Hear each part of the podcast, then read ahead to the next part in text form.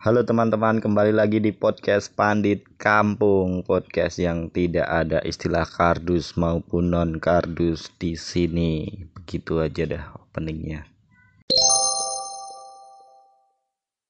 Oke, pada episode ketiga kali ini kita sudah memasuki bulan suci Ramadan. Jadi saya ucapkan selamat menjalankan bulan suci Ramadan walaupun bulan Ramadan kali ini berbeda tapi tidak mengurangi dari hikmat dan kespesialan bulan Ramadan ini. Selamat menunaikan ibadah puasa, semoga lancar dan lain-lain. Terima kasih. Oke, langsung saja ke pembahasan episode 3 kali ini kita akan membahas tentang bernostalgia Liga Ramadan atau Tarkam di bulan Ramadan. Ini sebenarnya nostalgia juga sih. Sebenarnya kalau kecil kan saya di kampung tuh pasti setiap Ramadan tuh pasti ada pertandingan Tarkam lah Ramadan Cup apa apa namanya tergantung penamaannya aja sponsor aja. Saya dulu kan sering selama Ramadan mengisi ngabuburit mending saya nonton bola aja dah daripada ngapain gitu kan. Nunggu buka puasa. Dan di Liga Ramadan ini kan ya paling pertandingannya dua kali 30 menit lah. Roll of gamenya. Yang menarik itu adalah pemain-pemainnya yang nggak biasa. Apalagi di pertandingan terakhir-akhir gitu. Semifinal kayak final kayak. Permainannya pemain-pemainnya itu adalah pemain-pemain yang kelasnya Indonesia. Udah main di liga semua. Artinya udah jadi pemainnya ada pemain yang ternama gitulah. Kebetulan kan saya berada di dulu kampungnya di antara Jogja dan Solo yaitu kota apa kalian kan tahu. Itu kan jadi banyak pemain yang dari klub tersebut itu yang dekat-dekat tersebut itu bermain di turnamen Tarkam tersebut. Terakhir sih waktu SMK saya lihat itu pelatih mantan pelatih PSS Sleman Soto Nurdiantoro itu juga masih main di Tarkam itu pada pertandingan semifinal dan final saya kebetulan nonton waktu itu. Yaitu Seto Nurdiantoro sama Fajar Listiantara yang adiknya itu. Sebenarnya ada satu lagi saya lupa. Ada juga pemain.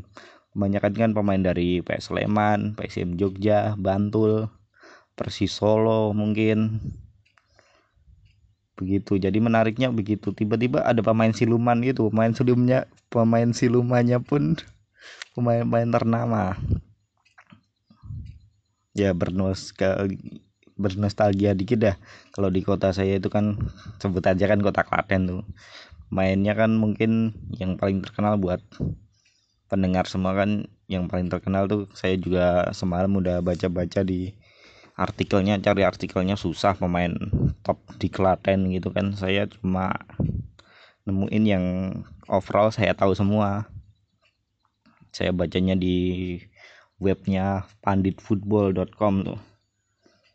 Pas acara apa 2018 pas ya Piala Suratin 2018 katanya dia meliput. Wartawannya itu meliput tentang persepak bolaan di Klaten gitu. Dan yang sebenarnya ikut Tarkam. Kali ini hubungannya dengan Tarkam yang pas Ramadan Cup itu biasanya sih nah nah, nah yang yang ingin saja deh saya. Ramadan tahun lalu tuh saya juga nonton final tapi cuma sekilas soalnya saya jam 5 baru berangkat udah mau kelar udah babak kedua mau kelar lah. Cuma 10-15 menit saya nonton itu ada Rangga Muslim juga pemain Sleman waktu itu main di Sleman. Terus nggak terlalu jelas sih kata teman saya yang sering ngikutin. Di situ sih banyak ada banyak-banyak lah pemain di sekitar Jogja Solo Klaten gitu pada ikut tarkam di situ semua. Nah, berhubungan dengan pembicaraan sebelumnya soal yang saya baca di Vandit Football itu tentang pemain-pemain top di sepak bola Klaten sih nggak banyak tahu sih. Paling di era modern ini yang paling kentara adalah Fahrudin Arianto. Sekarang pemain Madura sempat musim lalu dipinjemin ke Persija sempat juga ke Sriwijaya dan langganan timnas itu mungkin produk terbaik dari Klaten lah di era modern ini. Namanya Farudin W Arianto yang terus nomor 2 tuh Andrit Wibawa. Andrit Wibawa adalah dulu pemain PSIS Semarang yang mungkin yang paling terkenal tuh pemain PSIS Semarang saat Liga 2 dia promosi ke Liga 1 memorablenya dari Andrit Wibawa itu adalah ketika perebutan tiket menuju Liga 1 yaitu perebutan tiket tempat ketiga lah peringkat ketiga. Waktu itu melawan Martapura FC kali ya Martapura kalau nggak Martapura Kalteng dia tuh mencetak dua gol kemenangannya Semarang melawan itu Martapura itu. 5-3 dia itu masuk sebagai pemain berganti super sub. Kayaknya itu kan sampai perpanjangan waktu kan skornya 3-3 terus Andrit itu mencetak dua gol. Kalau dulu nonton Tarkam di kampung itu nonton Andrit udah kayak nonton Messi. Dia kencang kecil kayak kancil lah dia kayak Messi. Dribblenya dri bisa dribble lewati satu dua tiga pemain. Udah saya nyebutnya dulu juga Messi-nya sepak bola Klaten gitu. Saya juga udah agak kelupa kan sekarang kan merantau di ibu kota jadinya tidak apa mengikutilah perkembangan sepak bola di sana. Katanya sih banyak juga pemain-pemain yang sering tarkam di daerah situ. Ada juga pemain asing sih. Almarhum Diego Mendieta juga dulu pernah banyak lah terus kalau ada undangan tim gede itu sempat ada Christian Gonzalez katanya terus pemain-pemain Arema FC itu. Alfarizi Basri Lohi dulu waktu undangan bupati itu kan ceritanya kan bupati bikin tim gitu jadinya dia panggil pemain-pemain itu. Kan dananya kan lumayan tuh mereka paling per match ada yang dikasih dari gopek sampai jutaan lah. Minimal gopek lah paling pemain itu yang kelasnya udah main di Liga Indonesia udah punya nama. Menarik sekali sih nonton buat hiburan sih yang di kampung. Itu. Ya kembali lagi ke yang pro tadi kan Fahrudin Arianto tuh yang paling top terus Andrit Wibawa tadi. Itu terus katanya sih ada namanya Boston Boston katanya main di klub-klub lokal itulah dimain di Liga Nusantara tapi saya juga belum tahu orangnya si Boston itu. Pemain udah senior juga katanya bagus tapi saya terus terang belum pernah melihat juga permainannya kayak mana. Begitulah dan di Klaten itu punya sebenarnya punya SSB lah atau tim akademi yang bagus itu ada di namanya coba cek deh kalian. Satrio Pendowo SSB Satrio Pendowo. Itu ya penghasilnya Fahrudin Andrit dan pemain PSS junior itu biasanya ngambilnya dari SSB Satrio Pendowo itu. Soalnya dia melahirkan banyak-banyak pemain yang oke okay lah untuk bisa bermain di liga dah. Udah jadi pemain profesional maupun semi profesional yang hanya main di Tarkam gitu nggak mau profesional. Kebanyakan sih yang junior terus diarahin ke Sleman ke Bantul ke Solo Persis Solo. Itu di SSB Satrio Pendowo itu. Kalian kalau harusnya lagi bisa search saja deh SSB Satria Pandawa di Pedan Tambak Boyo waktu itu. Banyak pemain di situ. Ya belum kelihatan lagi sih sekarang ini siapa pemain Klaten yang menonjol lagi buat ke liga lagi. Papa belum tahu mungkin kalian juga bisa menambahkan. Paling ada pemain futsal sih si Anton Cahyo itu mantan kapten tim U20 itu kan juga berasal dari Klaten. Saya juga tahunya dari teman-teman katanya tuh SMA 2 SMA 2 Klaten ya. Itu kan seumuran hampir seumuran lah sama saya. Mungkin malah adik kelas saya itu. Tahuan kan umurnya. Adik kelas saya itu mungkin atau enggak sama seangkatan sama saya apa gimana.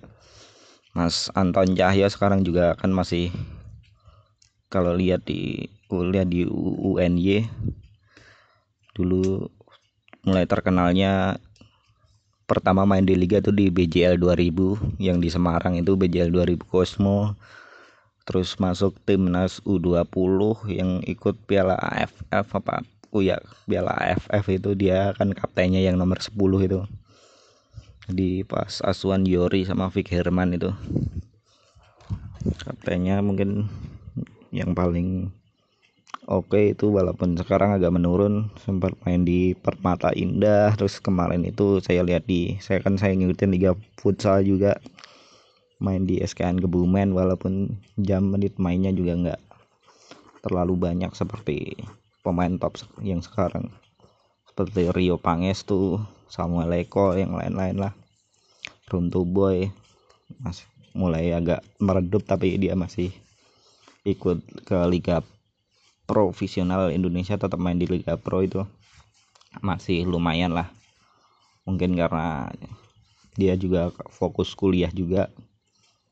Jadi membagi-bagi waktu untuk tetap di main di liga pro ataupun dengan kesehariannya kuliah pendidikan dan lain-lain itu. Oke lah tentang itu saja di segmen satu. Nanti kita lanjut lagi di segmen kedua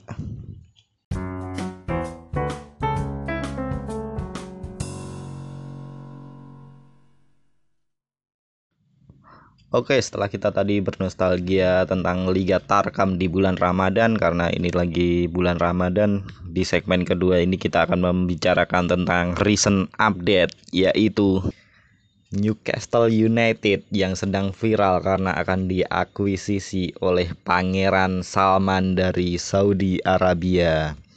Ini semua portal berita olahraga khususnya berita sepak bola membahas ini semua, headline-nya semua ini semua jadi kita juga harus latah ikut-ikutan tapi dengan versi saya sendiri dengan pengetahuan yang saya baca-baca sendiri. Tapi intinya tidak ngawur lah tidak apa mungkin ada opini yang saya utarakan nanti tapi tetap harus objektif.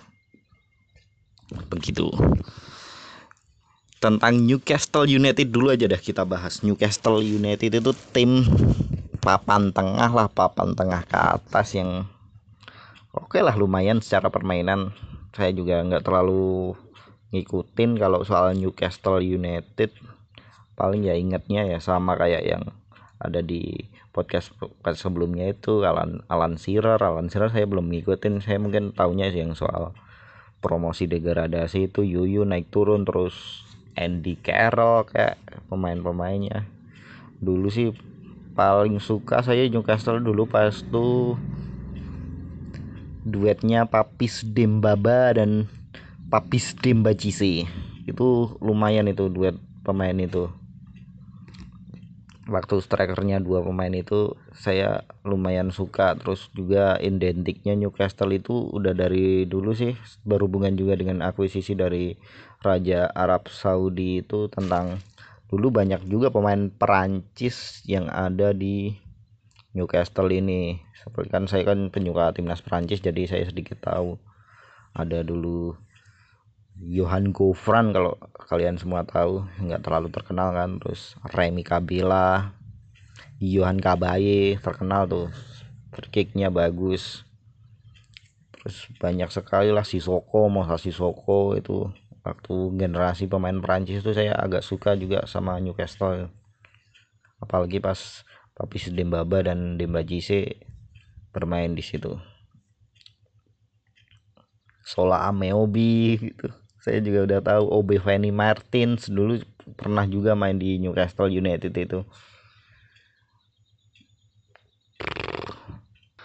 Oke deh pembicaraan kita agar tidak mainstream kalau yang pembicaraan yang bagus-bagus kan bisa dilihat di podcast yang teratas-teratas itu biar kita pembicaraan kita anti mainstream yaitu kita membicarakan jika Newcastle United benar-benar diakuisisi Raja Arab dan kira-kira pemain siapa saja yang layak untuk bermain di situ dan siapakah pelatihnya kita bahas satu persatu kebetulan kan tadi malam saya juga buka-buka ada pemain lah pemainnya Newcastle United sekuat Newcastle United yang ada di tahun 2019-2020 ini. Jadi kita bedah siapa yang mau dipertahanin siapa yang mau ditambah mau transfer pemain siapa dan pelatihnya kira-kira cocoknya siapa. Tapi ini objektif aja lo objektif. Oke? Okay? eh subjektif sorry subjektif ya subjektif. Subjektif tapi tidak mengarah ke mana-mana gitulah subjektif aja. Jadi kita sesuai selera saya aja mungkin dengan apa itu informasi apa informasinya ada juga tetap mengandung di informasi yang ada gitu. Untuk coachnya atau pelatihnya mungkin Newcastle kan sekarang kan Steve Bruce kan pelatih asal Inggris juga mungkin saya rasa sih juga masih pakai pelatih yang dari Inggris Raya yang deket-deket dulu aja lah yang mungkin yang bisa direkrut dari pelatih asal Inggris Raya saya sih recommended sama dengan yang di akun-akun lawak di Instagram lah bola tori atau apa-apa itu yaitu David Moyes.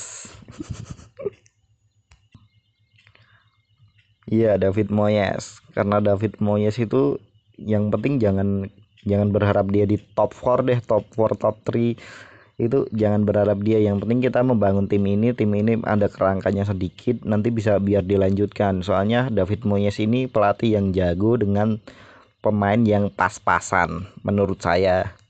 Kalau dia melatih tim jago dikasih duit mah dia nggak tahu. Soalnya kan dia belum kenal tuh pemain-pemain yang top top terus nggak ngarainya gimana gitu treatmentnya gimana gitu. Kalau dengan pemain seadanya di Everton aja Everton bersaing di lima besar empat besar enam besar.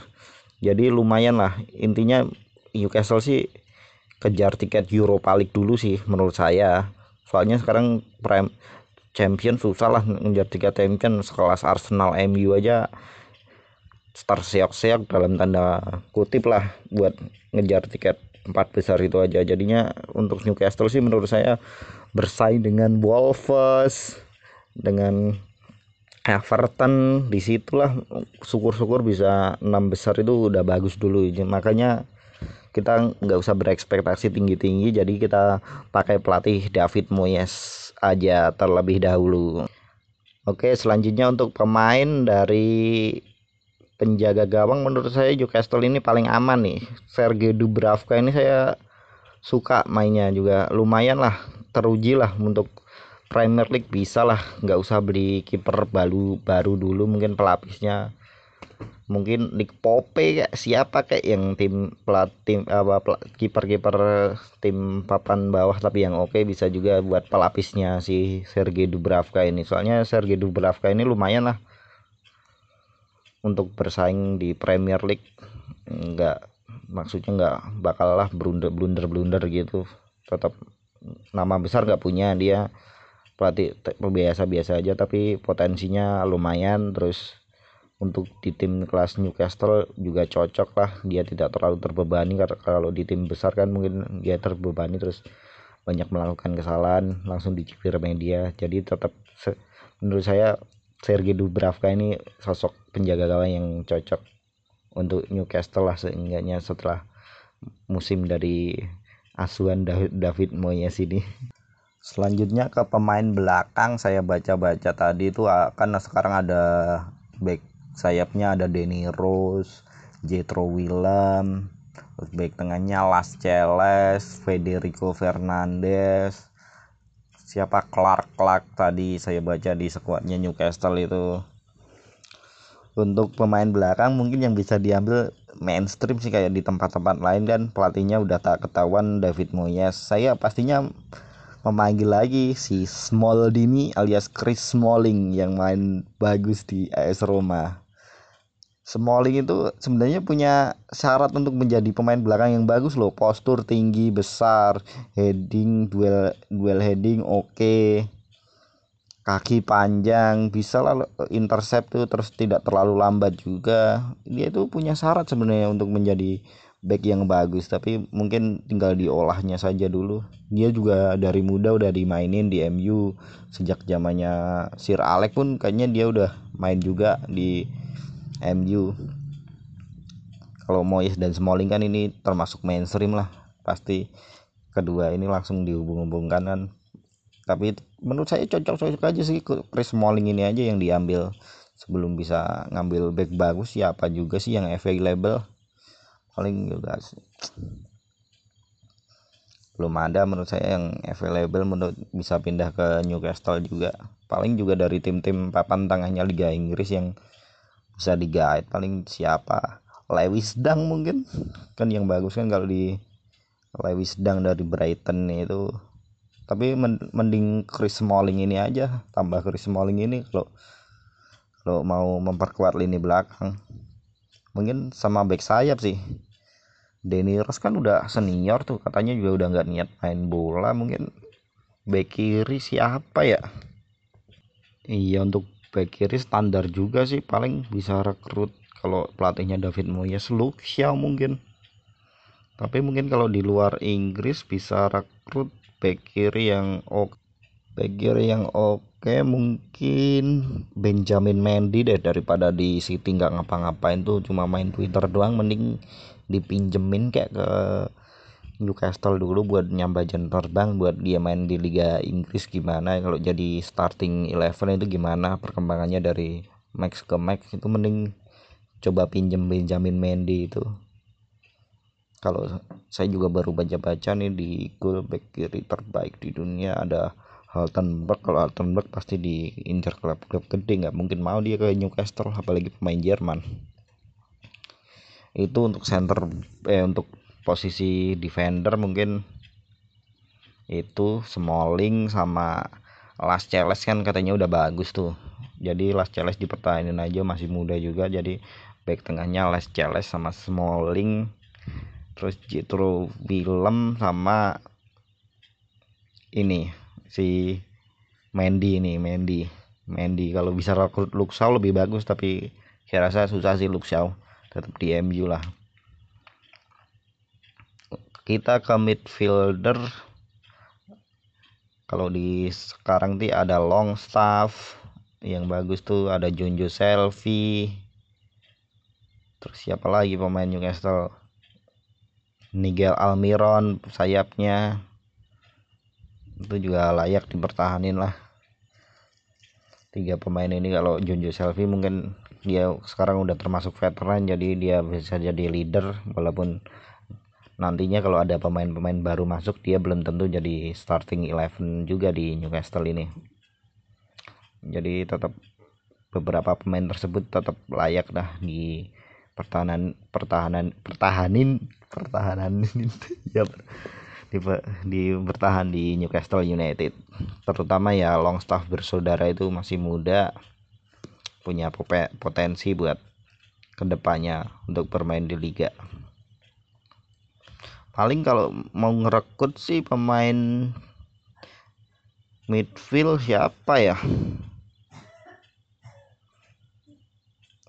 Midfield yang bagus. Oh iya Jack yang dari Birmingham. Messi dari Birmingham Birmingham. Bisa jadi ini Newcastle ini beringgris banget nih. Tapi pertama sih menurut saya begitu sih Asuhan Moyes itu pemain Inggris Raya dulu dibanyakin jadi fondasinya udah kuat dulu. Nanti kita tinggal masukin pemain-pemain asing yang bagus-bagus yang udah punya nama begitu menurut saya sih. Jadi Jack Grealish sama Longstaff, Jonjo Selfie, Nigel Almiron. Cocok lah di tengah Newcastle United. Paling kita perlu sayap atau winger satu lagi yang bagus buat menopang strikernya. Oke mungkin saya paling cocok sih Leroy Sané sih yang coba di get Newcastle ini sama Lingard ya mungkin. Sané sama Lingard aja deh. Udah tinggal kita cari striker. Strikernya sekarang Joe Linton yang cuma mahal doang menurut saya Jolinton sama Ayoze Perez yang musim lalu di Newcastle aja saya lebih prefer ke Ayoze Perez aja yang main. Kenapa beli Jolinton mungkin cuma karena jumlah gol di Bundesliga di Hoffenheim dia banyak ngegolin terus diambil. Hasilnya flop-flop juga. Tim-tim Inggris kebanyakan gitu yang papan tengah papan bawah tuh ngambil yang nyomot striker yang banyak ngegolin di liga lain terus ke tim itu ke papan bawah hasilnya ya gitu-gitu. Contohnya aja musim ini ada Sebastian Haller yang di West Ham itu juga biasa-bisa aja jadinya. Emang potensinya cuma segitu aja jadi tidak memberikan nilai lebih. Tetap bisa sih tapi kurang bisa memberikan nilai lebih. Dulu saya inget tuh di Middlesbrough itu ngerekrut top skornya Eredivisie namanya Alfonso Alves. Pemain Herenveen yang lambangnya kayak Frisian flag susu bendera itu. Kalau main pas dulu nyebutnya kayak Frisian flag susu bendera tim susu bendera itu Herenveen dulu dia satu max itu pernah mencetak 5 apa 7 gol gitu. Kan luar biasa itu terus di Al, anu ke Alfonso Alves itu ya jadi pemain-pemain biasa aja. Terus walaupun sempat juara Piala FA kayaknya gitu nostalgia sih zamannya Stuart Downing sama itu Alfonso Alves itu. Ada Tuncay Sanli pemain-pemain buru kesukaan saya dulu Tuncay Sanli pemain asal Turki itu. Di Middlesbrough terus dulu masih ada Robert Hood udah kita skip aja. Dari Middlesbrough itu ke kembali ke Newcastle untuk perburuan strikernya. Jolinton mending dijual aja deh setengah harga setengah harga kan harganya 30-an jadi 15-an gak apa-apa lah dijual ke klub mana gitu kayak biar bisa dapat duit lah lumayan minimal dapat siapa ya? Masa ngerebut Andy Carroll lagi? Si kuncir Andy Carroll. Siapa yang cocok jadi strikernya Newcastle? Oh iya kuncir juga jaya inget. Edison Cavani aja deh. Dia kan di PSG udah nggak nggak punya apa ya tempatnya kan udah terbatas. Ada Neymar Mbappe Di Maria dan lain-lain. Itu mending rekrut aja deh ke dia mengalah aja deh. Coba ke Liga Inggris ke tim papan tengah aja jika dia bisa beradaptasi dengan baik. Bisa main baik di situ mudah-mudahan dia gacor lagi dan tetap jadi andalan timnas Uruguay. Jadi Edison Cavani ada aja dah untuk di Newcastle United ini. Hmm, tinggal kita cari-cari pemain Islam aja nih yang belum ada. Soalnya kan yang punya kan dari Arab Saudi pastinya John menginginkan pemain-pemain muslim nih. Siapa ya kira-kira pemain muslim yang cocok untuk Newcastle dan mempunyai background yang bagus buat Newcastle juga buat jualan juga kan? Ya Islam Sliman Islam Slimani aja deh Islam Slimani yang ke lahiran Aljazair itu yang muslim juga. Terus Wabi Kasri Wabi Kasri itu pemain Tunisia juga boleh dah ikut ke Newcastle. Hmm. ya begitu aja lah. Itu kan menurut saya Newcastle masih bukan mediocre sih. Ya mencoba menanjak ke depan lah sekelas Wolverhampton gitu. Jadi pemainnya ada Chris Smalling ya Lascelles tadi terus baik saya kirinya Mendy Kitro Willem tengahnya ada Longstaff, Selfie, Almiron yang layak dipertahanin terus Lingard kalau jadi direktur Lingard sama Sane strikernya Cavani. Saya rasa udah cocok sih itu.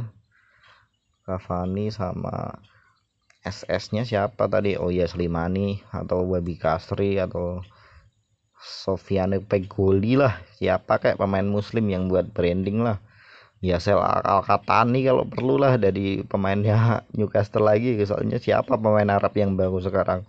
Omar Omar Abdul Rahman buka dia UAE bukan Arab Saudi. Arab Saudi mungkin siapa yang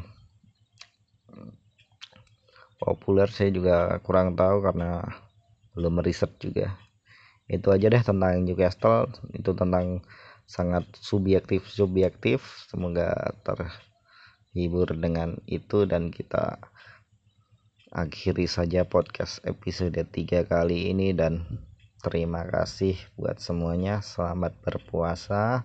Lancar.